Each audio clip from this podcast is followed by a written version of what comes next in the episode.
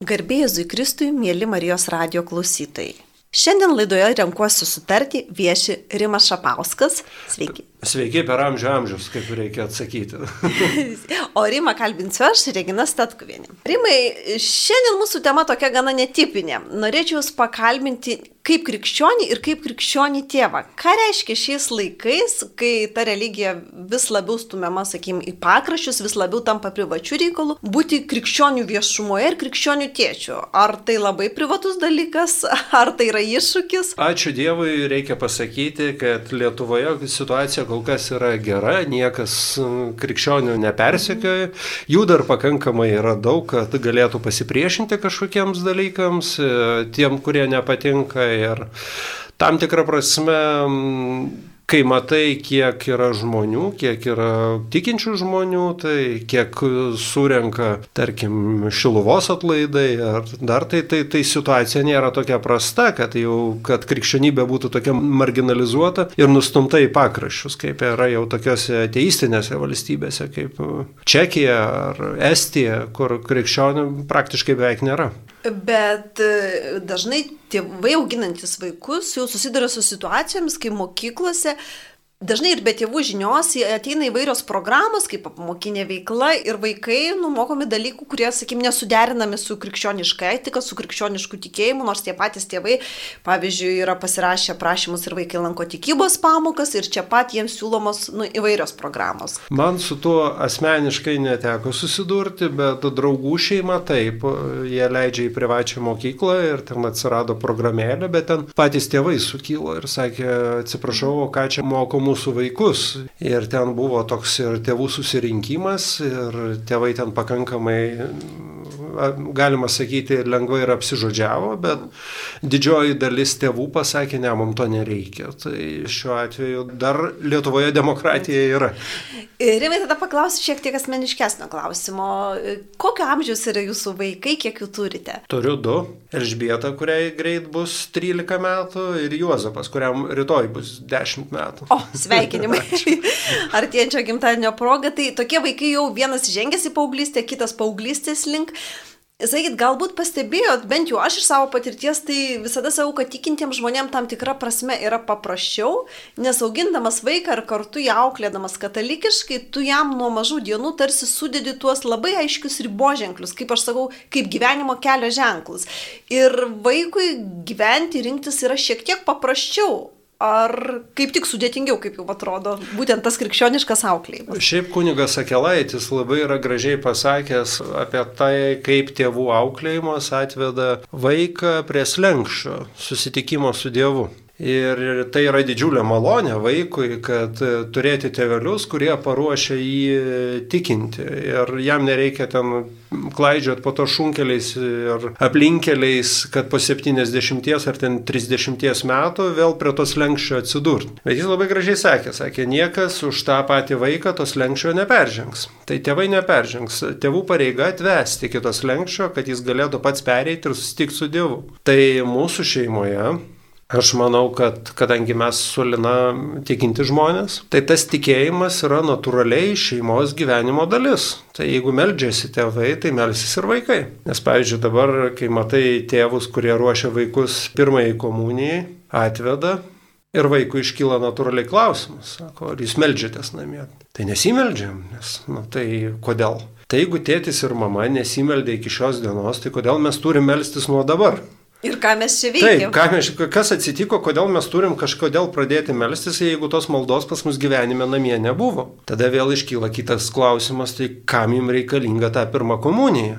Kad gražios vestuvės galėtų būti kažkas. Tai va, tai mes, tai mes toj balo ir, ir murgdomės labai ilgą laiką, kad daug kas įsivaizduoja, kad ta pirmoji komunija yra kažkas tokio, kas jau yra atlikta, pliusiukas uždėtas ir tai tau garantuoja dangaus karalystė. Nieko panašaus. Tai jeigu natūraliai, tai mes kalbame apie tai, kai jam žinatelsi, va dabar popiežius Benediktas XVI yra šnekėjęs apie tai, kad ateities krikščionybė remsis ne į kiekybę, o į kokybę. Tai mes link tos kokybės valstybės ir einam. Tai, tai tada keli klausimus.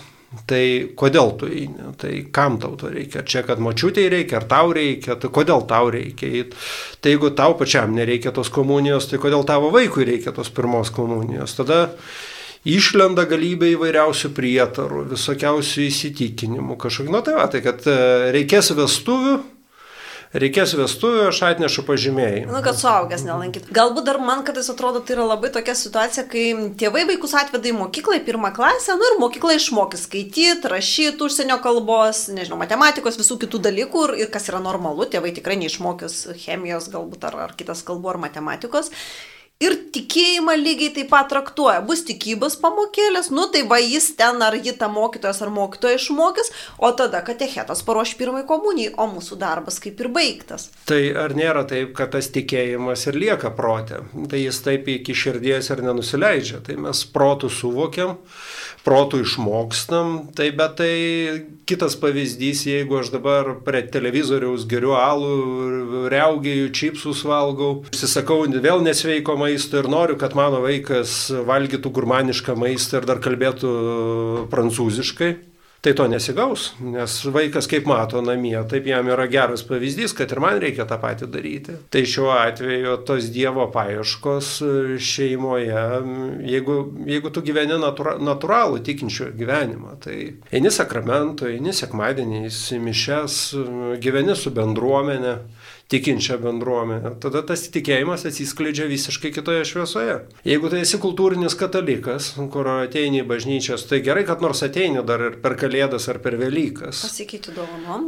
Pasikeiti taip, taip, taip. Ir atvedi vaikus ir numeti vaiką ir galvoji, kad e, kažkas tą vaiką padarys kataliku. Nu ne, gali būti toks stebuklas, kad paties vaiko širdyje yra troškimas ieškoti Dievo. Pavyzdžiui, mano dukros viena mokyklos draugė, būdama, ne, neatsimenu, keliarių metų, ar septyniarių, ar aštuoniarių, nusprendė, sakė, aš pasikrikštysiu. Atsakė, aš, man reikia pasikrikštyti. Tėvai sakė, nu gerai, krikštijame. tai, tai va, vyksta ir tokių stebuklų, kad ir patys vaikai išreiškia pageidavimą, nors, pavyzdžiui, yra kita dabar didžiulė problema. Bažnyčioje, čia iš kunigų girdėjau, kad problema netikintis vaikai. Tėvai atveda vaikus ruošti pirmai komunijai Ir mm, kunigas paklausė, ar tu tiki, kad Jėzus yra šventajame sakramente? Vaikas sako, ne. Ką daryti su tokiu?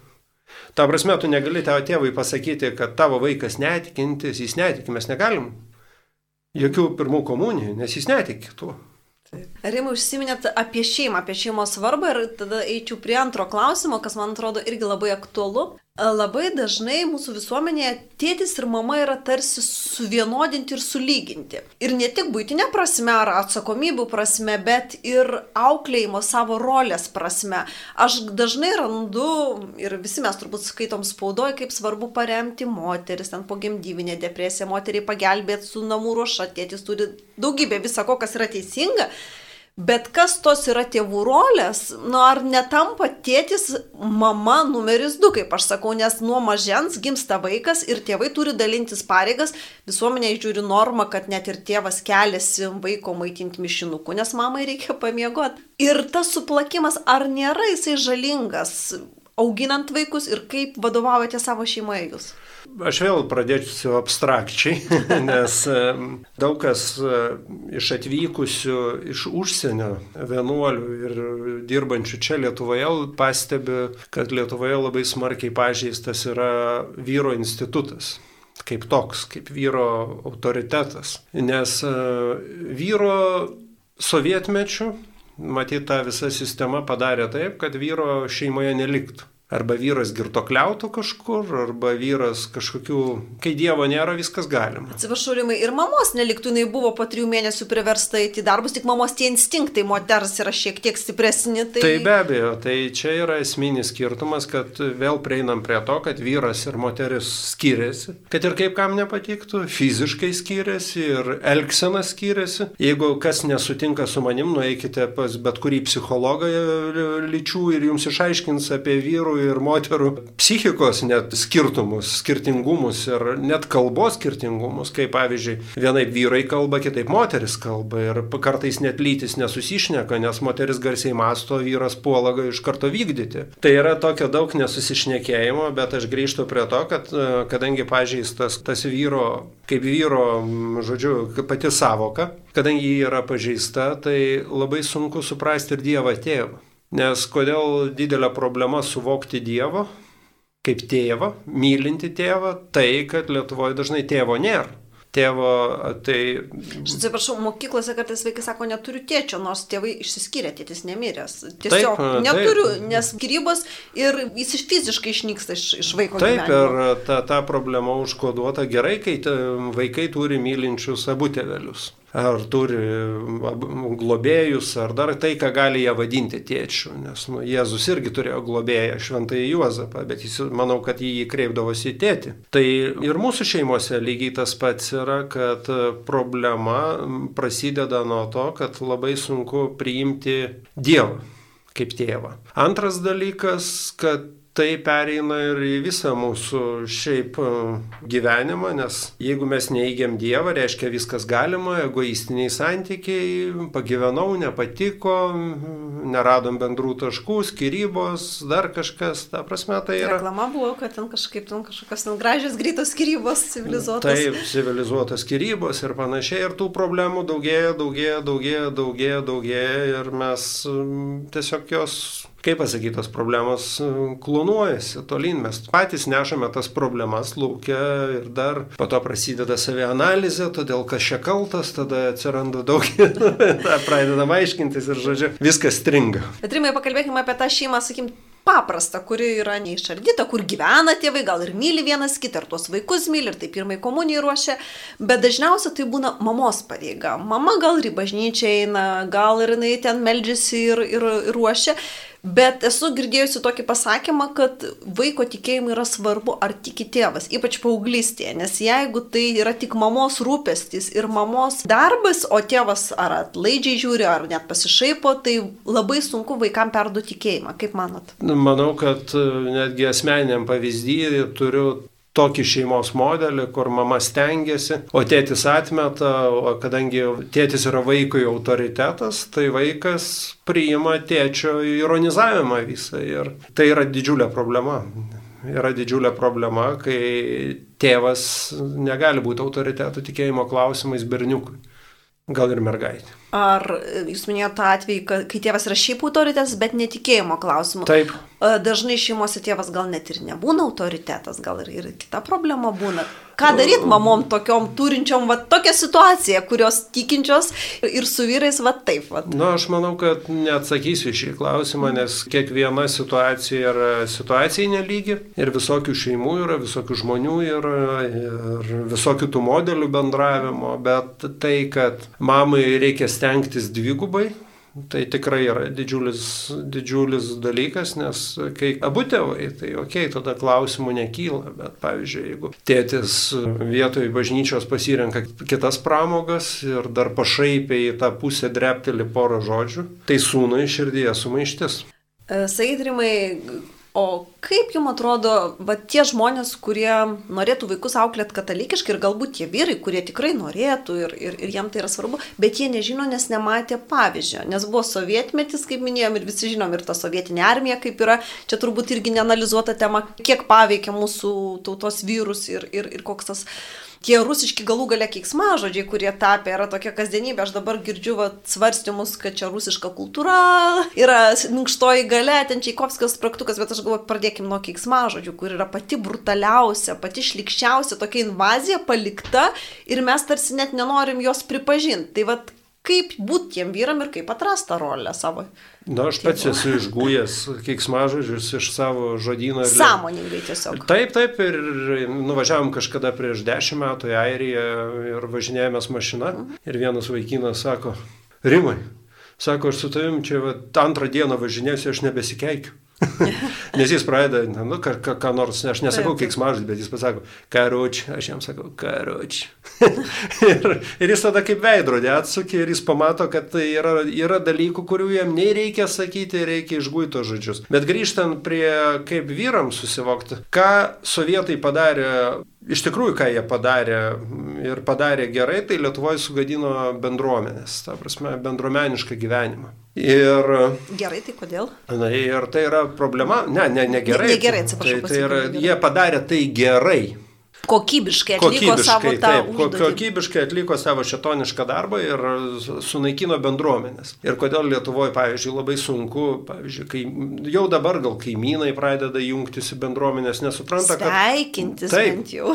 kad kartu gyventi yra paprasčiau. Tai yra ir saugos tarnyba, ir šiaip yra ir maloniau, ir geriau, ir tos bendruomenės visokiais pagrindais pradeda kurtis. Tai ten žmonės pagal pomėgius, pagal hobius. Šiuo atveju neišimtis ir krikščionis.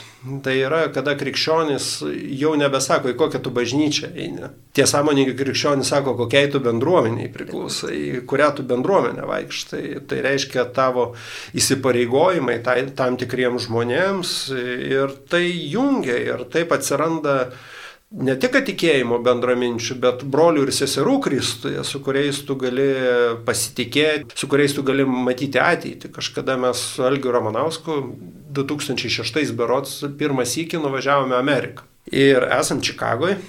Nu ir vietinis vaikinukas manęs klausė, sako, nes aš ultimatyviai pareiškiau, kad man reikia eiti mišęs. Sekmadienį Algis priėmė kaip tokią mano keistenybę naujai atsiradusią, bet, bet sakė gerai. Nu, tai sako, į kokias tu nori lietuvių mišęs nueiti ar amerikonų. Sako, aš noriu amerikonų, čia va, kur pačią artimiausią bažnyčią. Ir mes nueiname į tą amerikonų bažnyčią, kuri yra arti. Įeinam į vidų, modernus pastatas, kažkoks šaltinėlis subėga, vanduo, pasitinka dvi moteriškės. Hi, I'm Susan, I'm Barbara, first time here. Sakau taip, čia sakau, mes čia nesenai atvažiavę, čia panašiai sako, leiskite, mes jūs pristatysim keletai bendruomenę žmonių. Tai sako, va čia yra mūsų medikas, čia mūsų teisininkas, čia mūsų tas ir tas, čia tas ir tas, aš tokia, jeigu yra problemų, kreipkitės. Aš skambinu žmonai, sakau, galim važiuoti į Ameriką gyventi, nes tu gali jau iš karto kabintis į gyvenimą. Jeigu nesi kvailys, tau ištiesta ranka. Tai reiškia, kad tu jau turi pirmą Amerikoje gydytoją, į kurį turi gali kreiptis, pirmą teisininką, kuris tau problemai. Tai iš esmės tu bendruomeniai pažįsti savus. Tai lygiai taip pat ir krikščionių bendruomeniai, kuris sustinka bažnyčioje, vyrai, Tai vienas dirba vieną darbą, kitas dirba kitą darbą. Ir kažkada čia buvo tokia situacija, kad sumanė pasibilinėti čia garsi įmonė su krikščionių bažnyčia viena Vilniuje. Ir vietoj to, kad galvojo tą įmonę, kad pas juos ateis ten davatko su rožančiais, kur nuplaks ir kunigėlis isterikuojantis, vietoj to atėjo iš bendruomenės vyrai teisininkai, pasidėjo gražiai savo kompiuterius ant stalo, nu ir sako, pradėkim šnekėti nuo to, kad punktas tas yra, kad tai yra leidžiama pagal Lietuvos. Įmonė susirinko visus savo dalykus ir sakė, nu, pašnekėsim kitą kartą.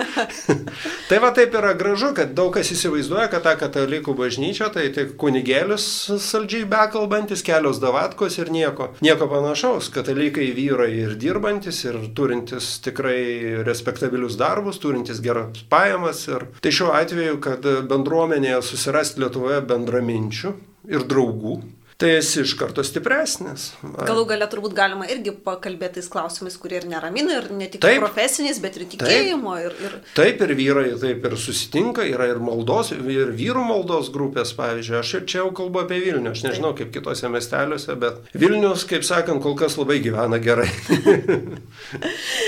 Sakykit, kaip jums atrodo, ar yra takoskira tarp katalikiškos, aš jau dabar labai pragmatiškai klausiu, tarp krikščioniškoje šeimoje, katalikiškai auklėto vaiko ir vaiko, kuris irgi gerai auklėtas tėvai, nors aš visada stebiuosi, tiesą sakant, kai žmonės klausiu, kokiais principais, jeigu tu esi ateistas, vadovaujasi augindamas vaiką. Ir tada žmogus sako, na, yra etika, yra bendražmogiški, yra kultūriniai dalykai, bet aš visada galvoju, tai jeigu bendražmogiški kultūriniai, tai į kągi jie remiasi? Jie remiasi krikščionybė, bent jau šitam pasaulio krašte. Taip, postkrikščioniška visuomenė. Iš esmės augini pagal tos pačius supratimus kaip krikščionis, bet tik tai nu, atmesdamas tokią savoką kaip Dievas, nu, įvardindamas ten etiką, bendražmogiškais dalykais. Ir neturėdamas galbūt paaiškinimo, kodėl, kodėl tai yra gera ir kodėl tai yra bloga. Aš visai nesenai skaičiau profesorius Jokubaičio straipsnį ir jis labai gražiai paaiškino apie ateistų ir krikščionių vaikų auklėjimo skirtumus. Sako, jeigu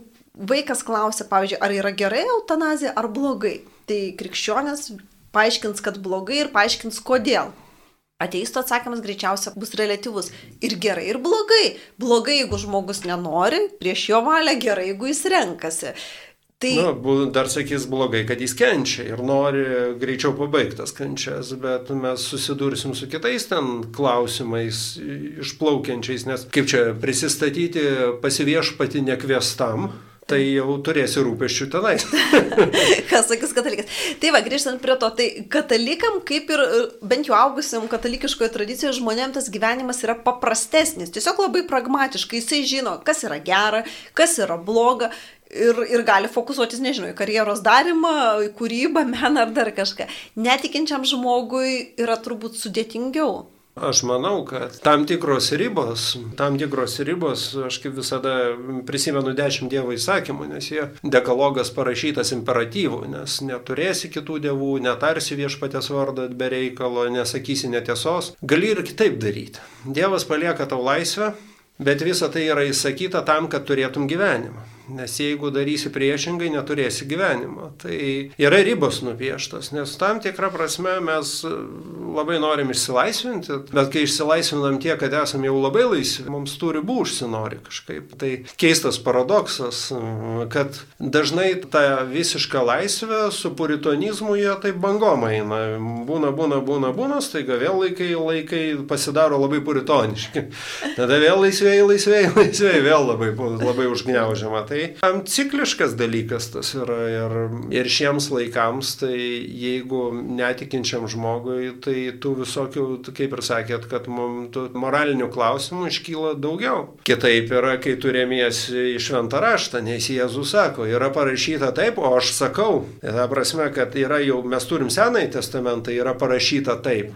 O Jėzus sako, o aš sakau, dar pasunkinta. Ir, tai va, tai kaip ten, nu, tai, tai šiuo atveju mes turime visada į ką atsiremti, nes tada jeigu jau pats nesupranti ir esi galvoja, ar aš čia durnas, tai tada pasižiūrėk, kas rašte parašyta. Bet labai gražiai pasakėt, kad Jėzus sako, dar pasunkinta nei Senajame testamente. Rimai, ar jums pačiam yra lengviau ar sunkiau gyventi krikščionio žmogus gyvenimą? Nes kiti sakytų, nu jums čia labai sudėtinga, į tą bažnyčią kas akmadienį einat, kažkokių čia taisyklių ir, ir, ir ir panašiai. Daug ir panašiai. lengviau, daug ir daug ramiau daug ramiau, nes mm, širdį ramybė atsiranda, nes e, sumaišties ne. Ar čia kažkada mes irgi šnekėjom. Irgi per pirmosios e, komunijos tėvų susitikimus ir vienas vyras kažkaip pasigodė, kad laiko labai nėra. Ir aš kažkaip leptelėjau, kad sakau, nustok dirbti sekmadieniais. Ir iš tikrųjų ne aš leptelėjau, o dvasia jam pasakė, nes aš tą pamiršau ir užmiršau, nes ateina tas vyriškis ir man sako, aš labai jums noriu padėkoti. Sakau, už ką? Sako, už patarimą. Sakau, kokį? Kad sakėt nedirbti sekmadieniais. Aš net neprisimenu, kad sakiau. Ir sako, aš pradėjau to laikytis ir laiko atsirado. Ir tai yra normalu. Ir pavyzdžiui, man labai, mane kažkaip žavi tam tikrą prasme ortodoksiniai žydai nu, tam tikras jų toks kietakaktiškumas, laikyti šabo, dar kažko, jau taip reikia, kad jie kitus su lasdom nuvarys laikytis to šabo. Bet iš kitos pusės, iš kitos pusės tada pamatai tą išmintį, nes kai tu labai save viską liberalizuoji savo visą gyvenimą, tai taip po truputį visi principai ir nusitrina, kad ai čia vieną kartą, čia kompromisą čia padarysiu, kompromisą čia, žiūrėk, tai besilaikant tų kompromisų, nei tu sekmadienio šventi, nei, nei tu laiko turi, nei tu, ai čia biški, na, pasakysiu taip, kaip, na, nu, taip, nu, ne taip, kaip buvo, bet, nu, taip, žiūrėk, meluot pradedi, dar kažkas, tada užsivelia viskas ir sakai, bet aš ginuodėmi nedarau, bet aš labai šventas. Tai labai tos schemos visos sunkios, nu, tai jeigu vieš viešpats liepia, nu, tai tada jau reikia tam tikrą, jeigu tai viešpats e, tiesiog patarė tau daryti, jis neįsako, čia galima sakyti dešimt Dievo patarimų, kaip tau gyventi reikia. Tai labai svarbu permastyti vis, visus tos punktus, nes tada ir pamatai, kad nu, tikrai Dievas ne pirmoji tavo vietoje, nu, neturė kitų dievų. Tai turi tu tų ir kitų dievų, ir kitiem tarnauji, tik pats to nežinodamas. Ten lankstaisi daiktam, ten pinigam, įtakai, galiai, dar kam nors. Tai šiuo atveju kitų vardų Dievo prisigalvoja ir dar žiūrėk atsiranda ten ir kad visi keliai geri ir viskas kaip ir čia normaliai. Kaip mano trimai, kodėl dabar, ar galbūt aš klaidingai pastebiu, laidos pradžioje kalbėjom, kad Lietuva iš tikrųjų yra dar krikščioniška valstybė, kad tikintis eina į bažnyčias, tų bažnyčių daug, bet vis dėlto atsiranda tam tikros tendencijos išguiti e, tikėjimą, nesakau, kad katalikų bendrai krikščionišką tikėjimą tarsi į pogrindį, tai yra privatu. Nu, gerai, jūs ten turit savo tą nuomonę, jūs Tikėjimas Na. tampa nuomonė, jūs ten turite nuomonę, nu tai ir praktikuokite namuose. Ir po truputėlį iš viešumos tarsi bandoma patraukti. Aš dažnai sakau, čia Andriaus Navicko mintis, kad Lietuva yra kol kas demokratinė valstybė, o ne teistinė. Tai yra esminis skirtumas. Ir kad e, tikėjimo teisė yra įtvirtinta konstitucijoje. Ir šiuo atveju patinka, nepatinka, bet tikinti žmonės e, gali viešai reikšti savo įsitikinimus. Antras dalykas, jeigu tu stumiai į parą, dienoraščius, tenais panašiai, sakai, kad čia privati sfera, panašiai, tai patys katalikai kartais ir užsileidžia, patys krikščionys užsileidžia, kad panolaidžiauja ar, ar, ar neatsako, nes labai lengva tapti talibanu, bepročių, religinių fanatikų, čia netgi darbe kažkur viešai pasakius apie savo įsitikinimus, tu gali gauti paniekos didžiausia dozė yra. Na, bet čia tokia mūsų jau lemtis, nu, Jėzus taip sakė, kad nu, gausite, gausite ir naujų e, seserų, ir brolių, ir žmonų, ir visko kartu su persekiojimais. Tai šiuo atveju tie persekiojimai, kai tu juos gauni, tai supranti, kad jau turbūt kažką ir gerai darai. Ta prasme, aišku, mes nenorim nei tų persekiojimų, nei ir, kad, kad iš mūsų šaipytųsi, bet šiuo atveju, nu, tarkim, nu gerai jauną žmogų, imkim jam 16 metų, jis papasakoja, kad tarp draugų, kad jis yra katalikas. Nu, tai sakė, tu tai eini į tą pedofilų namą. Žiūrėk, jeigu tu pasakai, kad tavo orientacija kita, tai tu gauni daugybę palaikymo. Yra įvairios ten organizacijos, reklamuoja vaikam Facebook'e ir, ir panašiai, ir panašiai. Tu esi modernus šio laiko žmogus žmogus, netgi toks kvietimas, išbandyk viską, pasimėgau. Jeigu tu pasakai katalikas, tai tu esi tarsi, nu, praeito tūkstantmečio, geriausiu atveju praeito šimtmečio. Susikeitė vietomis, viskas susikeitė, kad kas buvo prieš 30 metų, tai apsikeitė rolėmis iš esmės. Nu, tai aš nežinau, ar ta prasme persekiojimai kaip tokie, ar... Gal ne persekiojimai, netolerancija. Aš sakyčiau... Nu, ne, netolerancija, taip, nu, kol kas yra netolerancija žodinė, bet, pavyzdžiui, kaip kokioje Švedijoje, kokie nors pastoriai yra užpuolami, ten fiziškai sumušami. Ar, e, aš suprantu, kad tai pusiai nesmagu klausyti, ką jie kalba, bet, bet, bet nu, pradėti žmušti žmonės, tai šiuo atveju, kai jau prieis laikai prie fizinio susidarojimo, nu, tai jau supraskim, kad tada viešpats arti. Tikėkime, kad tų laikų dar mūsų karta ir mūsų vaikų karta turbūt nesulauks. Taip, norisi dar pagyventi ramiai. Visai baigiant laidą, čia eterėje Marijos radio laida Renkuosi sutarti, studijoje esu aš Regina Statkuvienė ir kalbinu Rimą Šapauską. Ir šiandien mes kalbamės apie tai, kaip būti krikščionių šeimoje, visuomenėje ir ką reiškia būti krikščionių tėvų. Daug tų temų palėtėm Rimą. Taip, taip. Vis dėlto, man atrodo, svarbiausia tema yra, grįžtant prie mūsų temų, yra būti krikščionių tėvų, nes šeimoje prasideda viskas. Ir tėvo pavyzdys turbūt, kaip jūs galvojat, netgi tie vaikai, kurie galbūt paskui kažkur ir nuklaidžia, bet turėjo tą tokį pavyzdį, jie turbūt bus ir, ir, ir kurs tą visuomenę šiek tiek kitokią. Aš manau, kad e, tai atsiliepia ir yra toksai gražus pavyzdys, apie kurį kunigas Julius Asnauskas pasakojo, kad pas jį atėjo žmogus, e, buvęs berots komunistas ilgą laiką, pagyvenęs vyras ir Sakė, jam visą gyvenimą vaikystėje sukosi Marijos litanijos kažkokie fragmentai. Ten balčiausiasis bokšte melski už mus, sandorų skrynė melski už mus ir sako, sukosi, sukosi, sukosi, sukosi. Ir galų gale tą žmogų atvedė į bažnyčią ir taip jis grįžo į bažnyčią. Tai mes nežinom Dievo veikimo būdų. Dievas jis visagalis, jis suranda tikrai tuos kelius, bet mes įpareigoti tą jo karalystę skleisti. Ir tą karalystę skleidžiama ne lozungais, bet privačiame gyvenime. Tai aš aš sakau savo vaikams, aš sakau savo draugams, aš sakau savo aplinkai. Čia nereikia kaip, kaip su deklaracijom važinėti po miestą su didžiulė vėliava, ar ten, kad, kad matytumėsi, ar kaip Jehovos liudytojai po, būtus vaikšto. Nors jie irgi teisingai daro, nors matyt yra kažkokie kiti metodai evangelizacijai, kad ir pavyzdžiui Marijos radijas. Tai kokia sklaida didžiulė, kiek, kiek žmonių girdi, vis tiek girdi kažkas, girdi net netikinti žmogus. Kartais būna paaugliai juokauja, davai įsijungia Marijos radiją, pasiprikolinsim. Įsijungia ir klaus. Įsijungia ir klauso, kartais ir tai pasiekia. Ir visai baigiant laidą, aš tiesiog labai norėčiau palinkėti, turbūt Rimai irgi pritarsi, kad žmonės labai dažnai atranda Dievą tada, kai jiem atsitinka nelaimė, kai jiem atsitinka kažkoks susidūrimas su būtim, su amžinybė ir, ir tada jie pradeda keltos klausimus ir ieškoti. Bet turbūt tikroji dovana yra, kai mes matom Dievą savo kasdienybėje, taip, kai mes gaunam iš tėvų tą dovaną, tai gal net įdėliot tėvam ir, ir to vaiko jau nevesti į bažnyčią tada, kai jau pirmą komuniją ar santokai ruoštis, nu bet su tuo mažulėliuku turbūt ateiti į mišes. Tai be abejo, tai kaip paštalas Paulius sako, dienos yra piktos, tai nežinai, kiek čia tavo atmatuota yra gyvenime, tuo labiau, kad jeigu jauti širdį, kad yra kažkoks pašaukimas ir Dievas šaukia, nu, tai reikia eiti ir atidaryti, nes po to gali būti per vėlų. Ir kitas dalykas, Pamiršau net apie ką norėjau sakyti. apie tai, kad vis dėlto didžiausia dovana tėvų, turbūt, kurią jie gali padovanoti vaikams, tai yra tikėjimo dovana. Tai be abejo, tai be abejo, jeigu tėvai tikintis ir natūraliai tikintis, tai taip, jie vaikams perdoda tai, ką jie daro geriausiai. Tai, ir neturėti iliuzijų, kad tai padarys mokykla ar katechetas. Ar... Taip, ir, ir antras dalykas, labai gražiai pasakėt, kad nu, nereikia, kad viešpats ateitų nu, kažkokiamis šantažo sąlygomis, va, kad tau, kaip m, sakoma, kad va, gavai lygą tai bažnyčia lakstyti pradėjai. Ne, ne, iš tikrųjų sąmoningas pasirinkimas, nes Dievas duoda žmogui laisvę. Tai sąmoningas pasirinkimas ir yra gražus, kad, o kai jau pasirenki tikėjimą, tada atsiduri bendruomenė, atsiduri bendruomenė gyveni, tada jau su bendruomenė.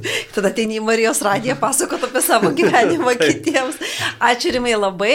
Čia buvo laida Renkuosi sutarti, studijoje viešėjo Rimas Šapauskas. Ačiū. Dėkui, ačiū Jums labai. O Rimą kalbinu aš, Regina Statkuvienė. Sudė ir iki kitų susitikimų.